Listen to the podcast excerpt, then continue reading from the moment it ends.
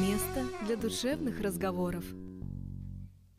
Всем привет! С вами подкаст «По душам». С вами, как всегда, ведущая Арина Репьева и Нина Брянцева. И сегодня у нас в гостях психолог Наталья Ланская, с которой мы обсудим непростую тему, а, как справляться с горем, с утратой и как помочь человеку, который скорбит, что нужно делать и чего делать не нужно. Да, привет, Наташа. Привет, добрый день, наши слушатели. Да, тема сегодня действительно непростая, и мы с тобой уже немного до подкаста поговорили а, что горе это не только потеря человека в плане человека, ушедшего из жизни, а объясни угу. еще раз. Э, что такое горе, да? Да, совершенно верно. И как мы с вами уже говорили до эфира, давайте раска- раскроем вообще подробнее, что такое э, горе. И у этого термина э, горевание есть название, которое в психологии оно прямо выведено, его основатель э, Фрейд, и называется оно «Работа горя». И чтобы мы понимали, что чаще всего с горем ассоциируется действительно утрата ближнего, смерть, э, возможно, для кого-то расставание. Но э, горе — это для нашей психики не только э, прощание с человеком, да, его утрата. Горе может стать даже крушение наших больших надежд и планов. Mm-hmm. Э, например, несостоявшийся переезд, mm-hmm. например, потеря друга, э, и прекращение общения с ним. Mm-hmm. То есть ссора какая-то. Ссора, mm-hmm. да, как, э, не просто ссора, а когда человек просто исчезает mm-hmm. из жизни, когда его больше нету, вот в этом и есть основная э, идея вот этого горевания, то есть обстоятельства, которые складываются в этот момент, когда происходит что-то, что ведет к горю, они э, необратимы, назовем mm-hmm. это так. То есть эта потеря, она действительно фундаментальная. Это то, что нельзя, нельзя уже склеить, вернуть, э, вернуть в нашу жизнь, и основной постулат, что после этого и после экологичной работы горя наша жизнь никогда не становится прежней, да, то mm-hmm. есть э, человек не возвращается, мы все равно не переезжаем, например, не знаю, рабо- работу нам так и не предлагают, мы находим новую, и вот этот процесс горевания, он действительно не только связан с потерей бли- ближнего.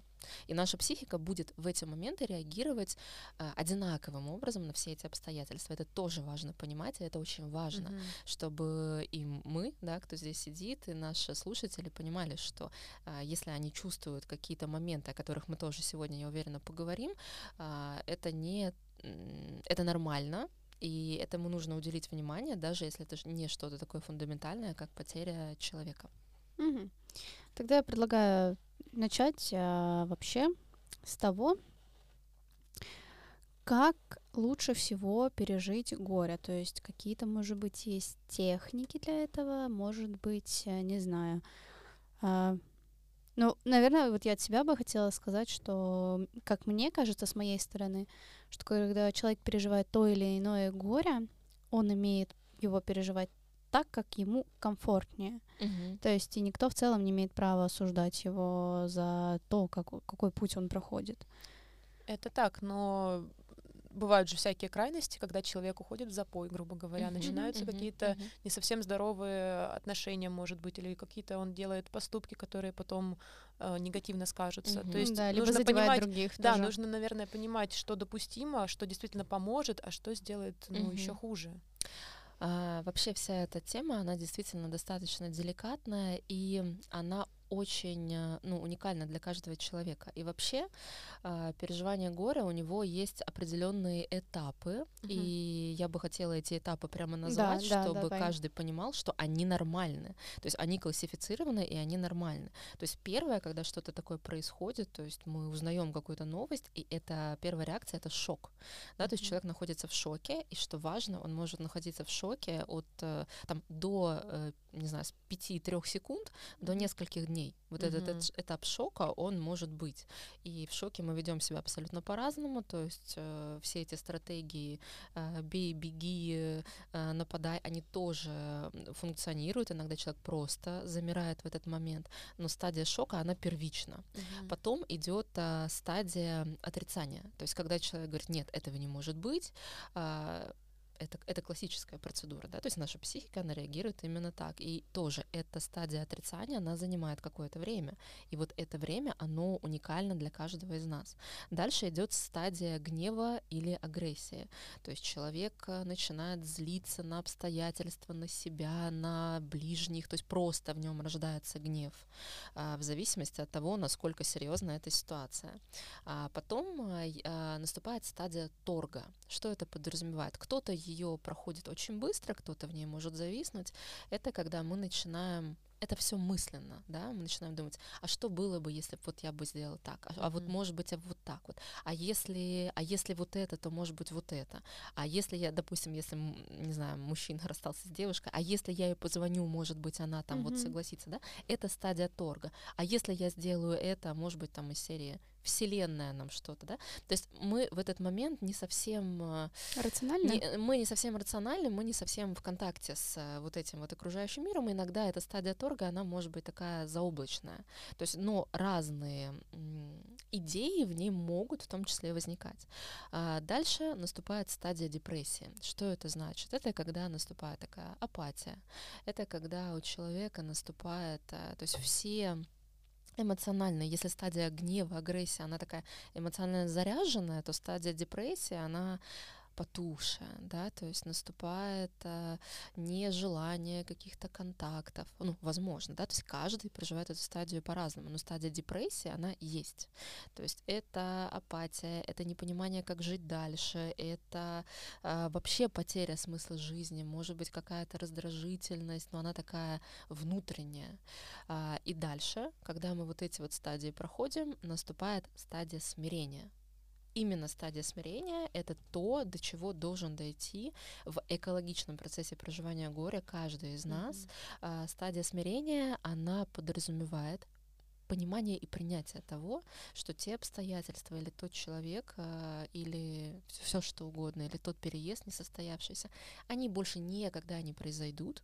И в этой стадии смирения мы должны принять этот факт, что этого никогда не будет, и только когда мы принимаем этот факт, наша психика перестраивается и начинает искать пути, как ей, собственно, действовать и как нам действовать по-новому, по-другому, тогда, когда этих надежд или этого человека больше в этом мире нету. Слушай, тогда сразу вопрос, что делать, если ты понимаешь, что ты застрял в какой-то стадии, либо человек близкий какой-то mm-hmm. застрял, например, в стадии депрессии или в стадии торга или в чем-то таком. Mm-hmm. А, то есть он, например, уже год, допустим, не может смириться с чем-то, или он год уже находится в состоянии апатии, и ты не знаешь, когда это закончится, тебе больно на него смотреть, э, что делать? Нужно ли как-то искусственно прекращать эту стадию или просто дать человеку время? А, тут тоже важно озвучить временные mm-hmm. этапы. Mm-hmm. Вообще а, горе и работа горя, они имеют а, такой временной диапазон, эко, ну, когда это происходит нормально, экологично, uh-huh. до года. Полгода-год, uh-huh. то есть это нормально, пока uh-huh. человек остается в этом,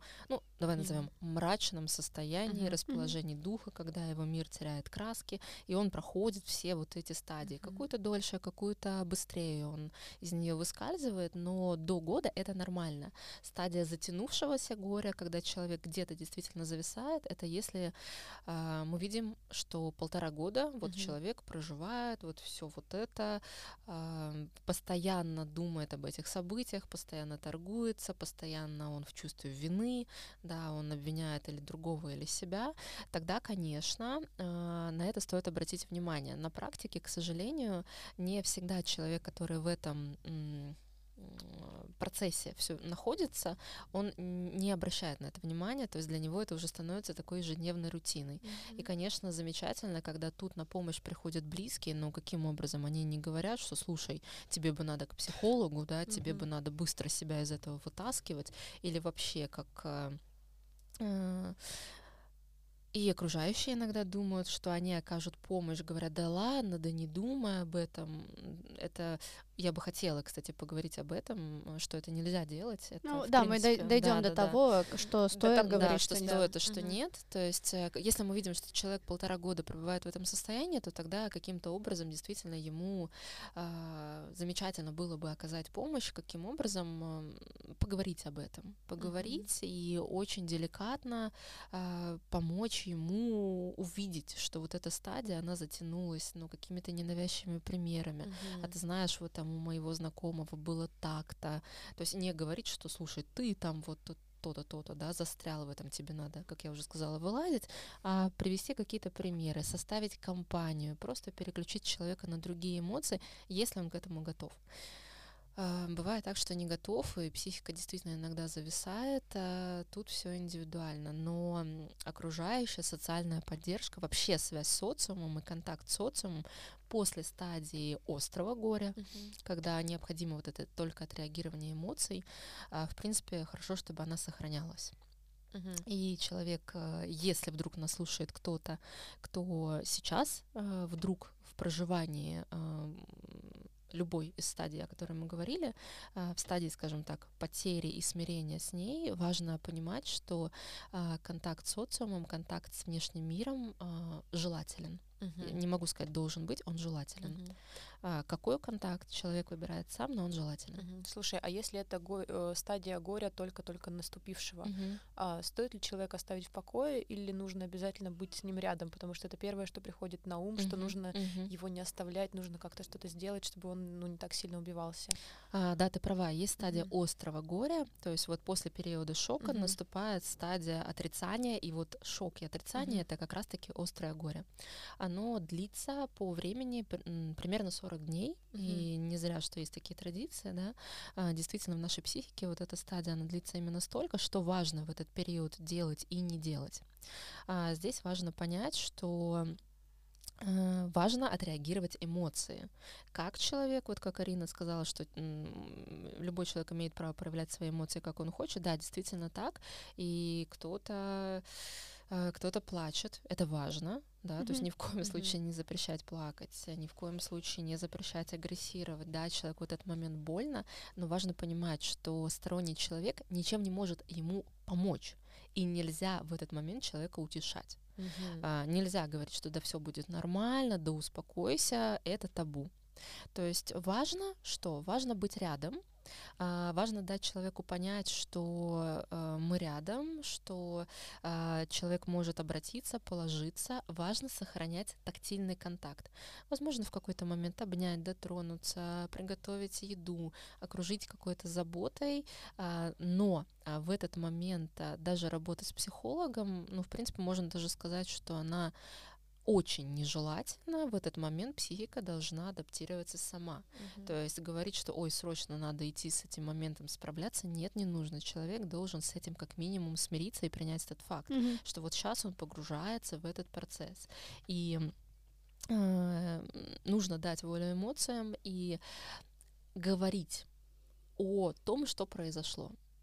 То есть эта тема не должна быть табу. Не надо говорить, что давай поменяем тему, давай не будем об этом.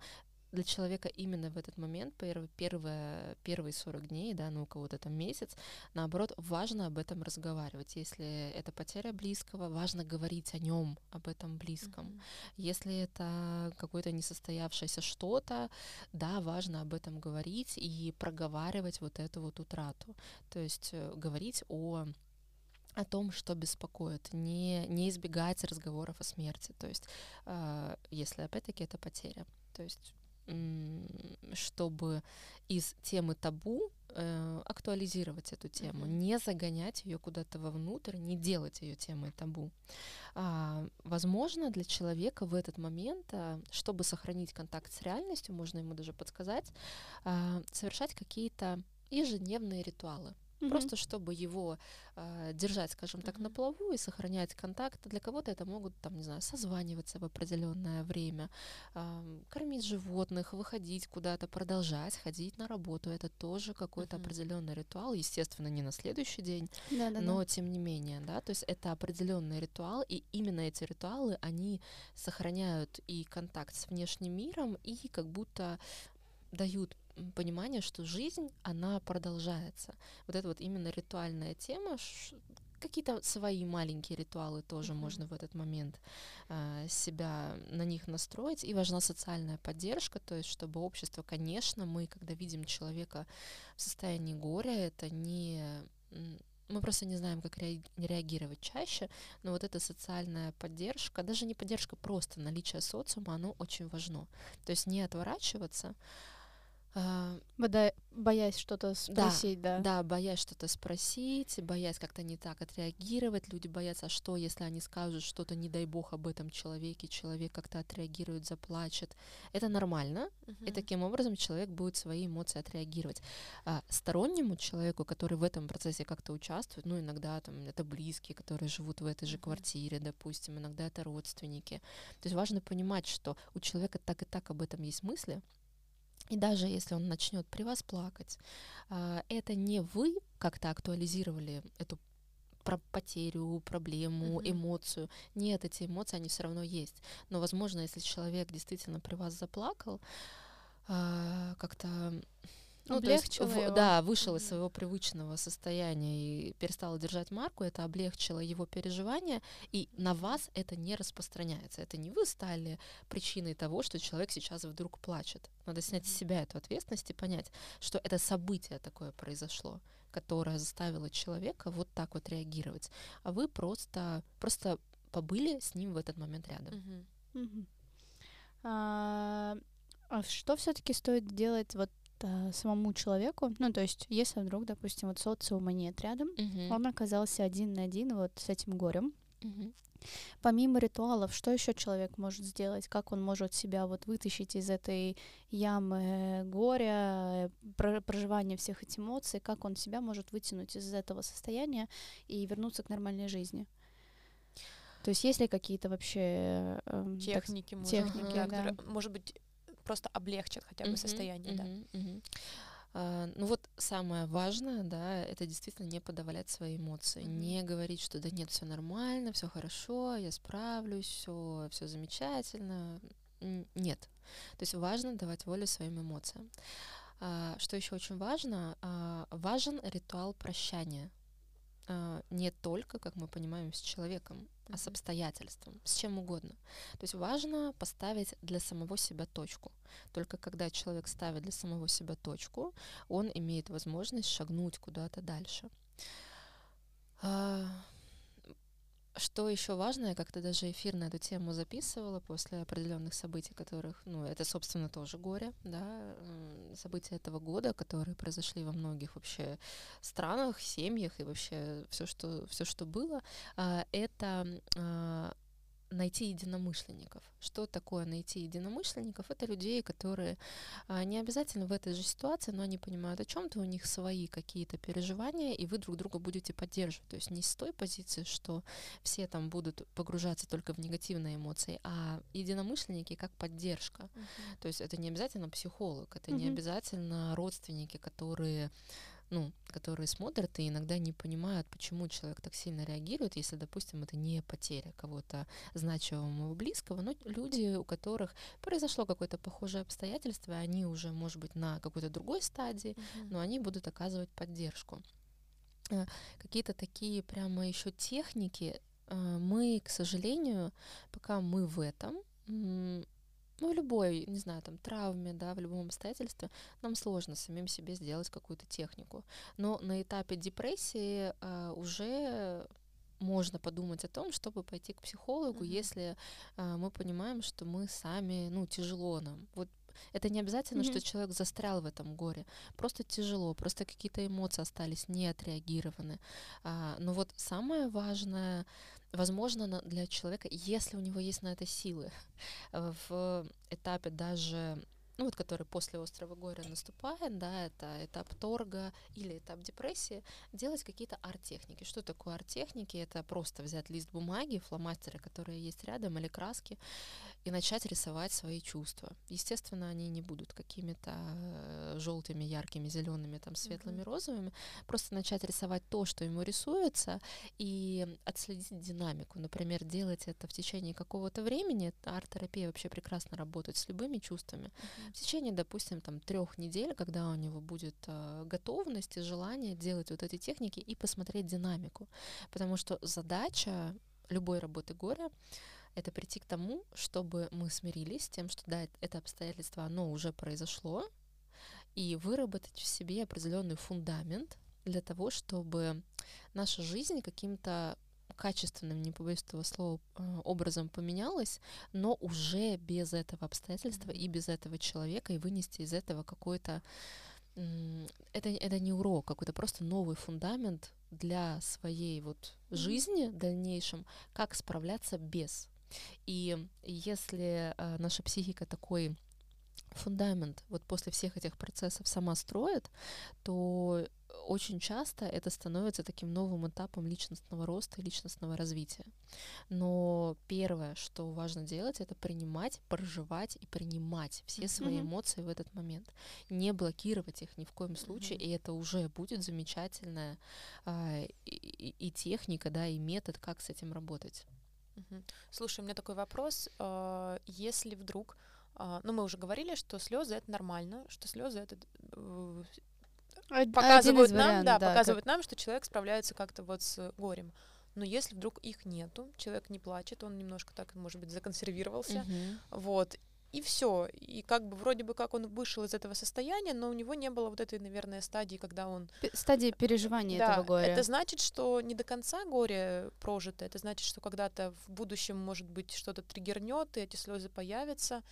Или в целом можно как-то без какой-то стадии обойтись, вот мой вопрос. А, в работе горя даже вот я когда готовилась, потому что есть mm-hmm. много раз, немного, есть просто разные и специалисты, э, которые пишут литературу на эту тему, и когда я э, вспоминала литературу, да, когда я поднимала и свои наработки, и то, с чем я работаю, и вернулась, так сказать, к истокам, э, только одну стадию э, какие-то специалисты не упоминают, это стадия торга. Mm-hmm. По сути, остальные стадии, шок, отрицание, гнев, депрессия и принятие, они есть, э, они должны быть uh-huh. э, в каждой глобальной, скажем uh-huh. так, потере uh-huh. для человека.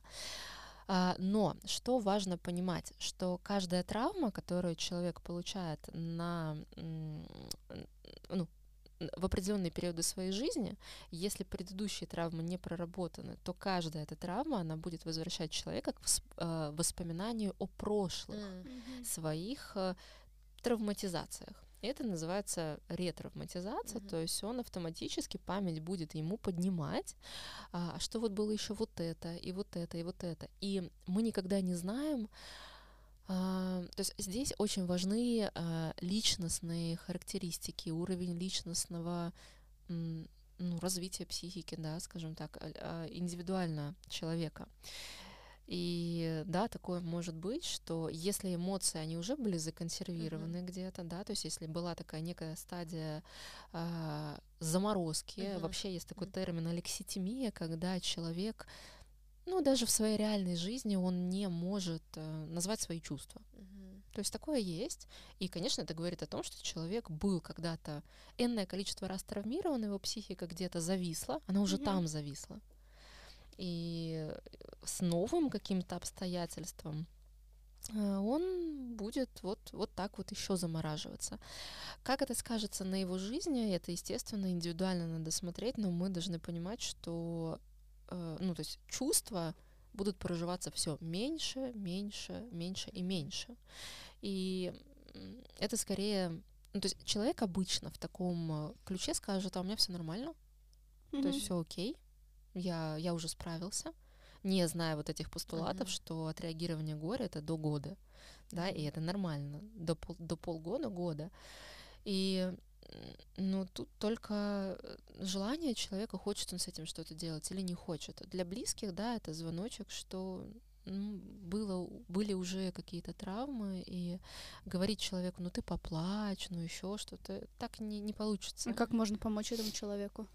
Или это уже все уехавший поезд? Ну, знаешь, тут сложно сказать. Э, а, наша психика, она а, вообще наше подсознание, оно такое, оно хитрое, оно всегда за выживание. И надо понимать, что именно эта стратегия — это замирание. Бей, беги, замри. Да, именно эта стратегия, она наиболее работоспособная. Именно эта стратегия та, которая способствует тому, чтобы человек выжил. И искусственно, то есть да, это все хорошо, э, работайте с эмоциями, дайте волю этим эмоциям, но если вот эта заморозка произошла, и, как я уже сказала, она вполне возможно произошла не сейчас, она уже до этого произошла. И что мы можем сделать? Мы можем быть рядом, мы можем обеспечить вот это вот сохранение социального контакта. Если что, сказать человеку, что если вдруг тебе что-то надо, то ты можешь к нам обратиться. А, возможно, как-то способствовать эм, и настраивать человека на заботу о себе mm-hmm. и на контакт с телом в этот момент. Это тоже очень важно в любых, э, неважно, реагирует человек, э, есть у него эмоции или их нет. То есть контакт с телом очень важен, да как поддержка самим себе тоже искусственно вызывать в человеке какие-то эмоции тут не получится. Mm-hmm. Тут просто не получится, и важно это понять э, вот так вот. Его психика справляется так. Он на каких-то, возможно, своих уровнях это проживает, и, возможно, его когда-то действительно прорвет. И в своей практике я что наблюдаю, что вот э, бывает, ну вот пример, да, а, в подростковом возрасте, допустим, у кого-то умерла бабушка, человек не осознал, заблокировал, пошел дальше, не дал этим эмоциям прожить, наступил вот этот холод, выключенные чувства, выключенные эмоции. Ну, наступила вот эта алекситимия, когда у человека все нормально, на, любой, на любые обстоятельства у него все нормально, потом, в какой-то момент, в уже в, зре, ну, в зрелом возрасте, mm-hmm. да, там, допустим, после 30, когда психика окрепла, э, случается какое-то обстоятельство, неважно какое, которая пробуждает вот те старые чувства и эмоции. И с этим, да, приходит в терапию, потому что не понимает человек, что происходит. Допустим, какое-то обстоятельство, а, потеря отношений или еще что-то, они а, возвращают к этим непережитым эмоциям mm-hmm. тогда. То есть, mm-hmm. да, это может наступить. И но чаще это наступает в тот момент, когда человек уже как-то готов, угу. когда он э, может обратиться сам за помощью, да, то есть эту лавину как будто прорывает. И тут важно понимать, что тут, наверное, только психолог поможет, потому что окружающие не понимают, что происходит, почему вдруг такая реакция. Человек сам не понимает это действительно случаи из практики, mm-hmm. и, собственно, они вот не в моменте, но они происходят. И человек сам не понимает, а почему а, какая-то, может быть, не очень значительная потеря, она вернула ну, то есть она не вернула, она просто пробудила вот эти вот э, эмоции, которые э, вот не эти были эмоции, которые не тогда. были прожиты, не были отреагированы, и тут, да, тут помогает чаще всего только психолог mm-hmm. или человек настолько но нет, самому это действительно это очень сложно понять, что вот такая ретравматизация вернула его, то есть mm-hmm. это и есть ретравматизация, эти обстоятельства его вернули mm-hmm. в какие-то события там 10, 15, 20-летней давности, просто потому что те были не отреагированы. И для этого есть определенные а, методики в психотерапии, mm-hmm. для этого есть всякие техники регресса, есть расстановки, есть, ну то есть то, что возвращает нас в прошлое, и мы, собственно, это перепроживаем. Но в терапии это уже, конечно, не полгода, не год, это гораздо более сжатые mm-hmm. временные сроки, да, то есть это фактически можно прожить за одну-две сессии, но тем не менее а, важно понимать, что эти эмоции, эти чувства, они все равно есть. Mm-hmm. Просто они на каком-то другом уровне. Слушай, ну это поразительно на самом деле, какая у нас психика mm-hmm. хитрая, да. как да, она да. это все делает. Что, что не сделаешь, просто, чтобы да, выжить. выжить. Да, да, да, именно. Это все процессы, направленные именно на выживание. Если у человека есть, тут еще важно понимать, что на вот эту работу горя тоже должен быть определенный ресурс. То есть mm-hmm. должен быть и э, ресурс энергии, mm-hmm. потому что это сложно, это все переживать, проживать, принимать, и должен быть и жизненные какие-то обстоятельства должны нам этот ресурс предоставить, и временной ресурс. А если человек а, то есть мы же можем давать установку нашей психики, мы же сами ее программируем. Если кто-то в этот момент говорит, у меня нет сейчас возможности и ресурса это переживать. Фактически человек сам эти процессы в себе выключает. Mm-hmm. Но опять-таки работу горя никто не отменял. Все равно психика когда-то эти этапы хотела бы пройти. Mm-hmm. В каком объеме, когда, мы не знаем. Хорошо, если в этот момент. И тогда действительно это отреагирование, оно будет максимально экологичным. Если нет, то, возможно, когда-то в другое время. Mm-hmm. Хорошо, мы уже немного затронули тему о том, как э, поддержать человека, когда он переживает горе либо потерю. Э, давай все-таки сделаем какие-то такие, а не знаю, ну, грубо говоря, составим список фраз, которые можно говорить, и которые не, нельзя. нельзя, да, да, то есть типа а вот понятное дело, успокойся, не плачь, э, все будет хорошо, мы не можем говорить, потому что, ну, как бы все не хорошо на данный mm-hmm. момент, да, и ничего лучше не станет в той или иной ситуации, да, то есть ты человека не вернешь уже, который ушел из этой жизни. А, какие фразы стоит употреблять, может, вообще стоит просто молчать и быть рядом, ну, то есть, э, что делать. И, допустим, я тоже тут недавно какое-то видео увидела, и сказали там фразу а «держись, надо mm-hmm. жить дальше», тоже нельзя употреблять. Да, что... она может тоже вызвать агрессию. Вот как раз это особенно вот. на этой стадии третьей, да, конечно. А мне наоборот сказал, что вот это держись, мы рядом, мы с тобой, э, вот это, ну, как бы одно, понятно, да, эти две разные фразы, мы рядом, мы с тобой, это, я так понимаю, что скорее можно сказать, а вот э, держись, надо жить дальше. Я, кстати, думала, что они тоже такое с хорошим посылом, mm-hmm. который дают понять, что человек не один. Uh, ну, uh, важно в первую очередь, вот все, кто сейчас послушает наш подкаст, они уже услышали, что человек так или иначе будет проходить эти этапы, если это случилось с кем-то из близким, возможно, когда он уже будет готов воспринять эту информацию, сказать ему, что то, что ты проживаешь, что любые чувства для тебя, ну, что есть сейчас, это нормально, э, и давай им волю. И при ком-то, наедине, неважно. А, то есть важно нормализовать желание mm-hmm. человека проживать свои эмоции, и что другие от него не отвернутся. Фраза «я рядом», естественно, что человек может обратиться, если ему это нужно. Не так, что «обращайся», может быть, ему это не надо. Mm-hmm. То есть важно дать понять, что если человеку это надо, то вы открыты для контакта, для поддержки.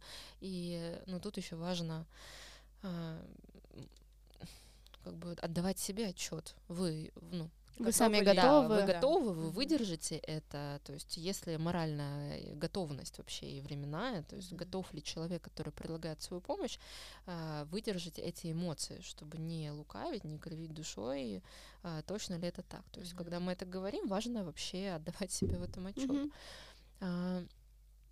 Иногда достаточно просто промолчать, иногда достаточно, когда человек уже опять-таки готов выходить в люди, просто, может быть, куда-то пригласить, прогуляться, э, поговорить о чем-то, о чем человек хочет. Как я уже сказала, не а, делать из темы, ну, из вот этой сферы потери тему табу. То есть, если человек хочет поговорить прямо о смерти, и раз уж мы об этом говорим, то да, возможно, поговорить об этом, порассуждать, пофилософствовать. Может быть, для него это сейчас тоже важно. А, что еще важно в этот момент? Э, помочь человеку э, заботиться о себе. Mm-hmm. То есть, э, когда острая стадия, люди забывают о своих каких-то базовых потребностях. То есть это поесть, поспать и нарушение сна, нарушение аппетита, они в первую очередь э, как звоночек того, что человек переживает горе и вот такую утрату, травму. Mm-hmm. Это тоже надо отслеживать и помочь человеку в этот момент э, позаботиться о себе таким образом, может быть, действительно оказать ему вот именно помощь, да, как таковую, иногда просто заказать, там, не знаю, доставку еды или что-то, потому что, да, может быть, аппетита нет, но, может быть, человек просто об этом в этот момент забыл. Mm-hmm. Это в стадии острого горя. Когда м, уже эти 40 дней, месяц проходит, тут уже а, сохранять э, социальные связи, социальные контакты, понимать, что человек в этот момент, а, возможно, становится агрессивным, а, не в, своей, не в своем, может быть, когда-то привычном, приятном расположении духа. И иногда, к сожалению, э, ну, как к сожалению, это просто так и есть. Помощь требуется не, даже не только, сам, не только самому человеку, но и его близким. Mm-hmm. Да, когда человек все время в этих э, состояниях может быть, то близкие могут не выдерживать, и близким тоже заботиться о себе. Mm-hmm. А насчет фраз, ну вот действительно это э, первое слово, которое сказать человеку, это просто искреннее соболезнование. То есть mm-hmm. просто высказать, что со, да, mm-hmm. со э, болезненную да, боль, сожалею. да, то есть даже не сожалею, сожалею, мы тут не можем ничего сделать. Сожалею это когда мы в чем-то виноваты, и мы mm-hmm. такие, ой, сожалею, это из серии как извини. Понятно, что мы сожалеем. Mm-hmm. Соболезную, тут, наверное, будет самое такое, э, то, что подходит под контекст. Э, там держись, надо жить дальше, вот эти вот все лозунги, да, для кого-то они работают, но они даже больше помогают эти эмоции немножко заблокировать. Притупить их. Да, притупить их. То есть человек в экологичном проживании, он сам должен прийти к тому, что да, надо жить дальше, но уже с какими-то другими новыми взглядами, новыми смыслами. То есть у него это должно родиться само. С помощью, без помощи, но психика сама уже должна эту идею, скажем так, родить и возродить себя к новой жизни. Mm-hmm. Вот так вот. Да, сегодня такой непростой э, подкаст, непростая тема. Ну, мне кажется, мы очень хорошо ее раскрыли, так, мне кажется, универсально. Она подойдет и тем, кто действительно столкнулся с какой-то потерей, может быть, близкого человека, mm-hmm. и те, кто просто, может быть, разочаровался в чем-то, у кого-то что-то не получилось. Mm-hmm. В целом, я так понимаю, что методики более или менее они очень, они очень mm-hmm. похожи, да, действительно. Тут только э, будет, наверное, от э, дли, ну, зависит длительность того, как mm-hmm. человек это проживает, mm-hmm. но действительно даже такие обстоятельства, которые, как я уже сказала, они фундаментальны, они необратимы, но тем не менее это не только утрата близкого человека, это могут быть разные, разные ситуации, они тоже а, включают эту работу горя в нашей психике. Спасибо нашим слушателям, что были сегодня с нами. Мы надеемся, что наш подкаст оказался для вас полезным. А, берегите себя, берегите своих близких, и если вы вдруг сейчас а, переживаете то или иное горе, не бойтесь обращаться за помощью, не бойтесь говорить на эту тему, вы имеете на это право, и это вам сейчас необходимо. Ну, а с вами был подкаст «По душам». Всем спасибо, всем пока. Всем пока. Всем пока. Подкаст «По душам». Место для душевных разговоров.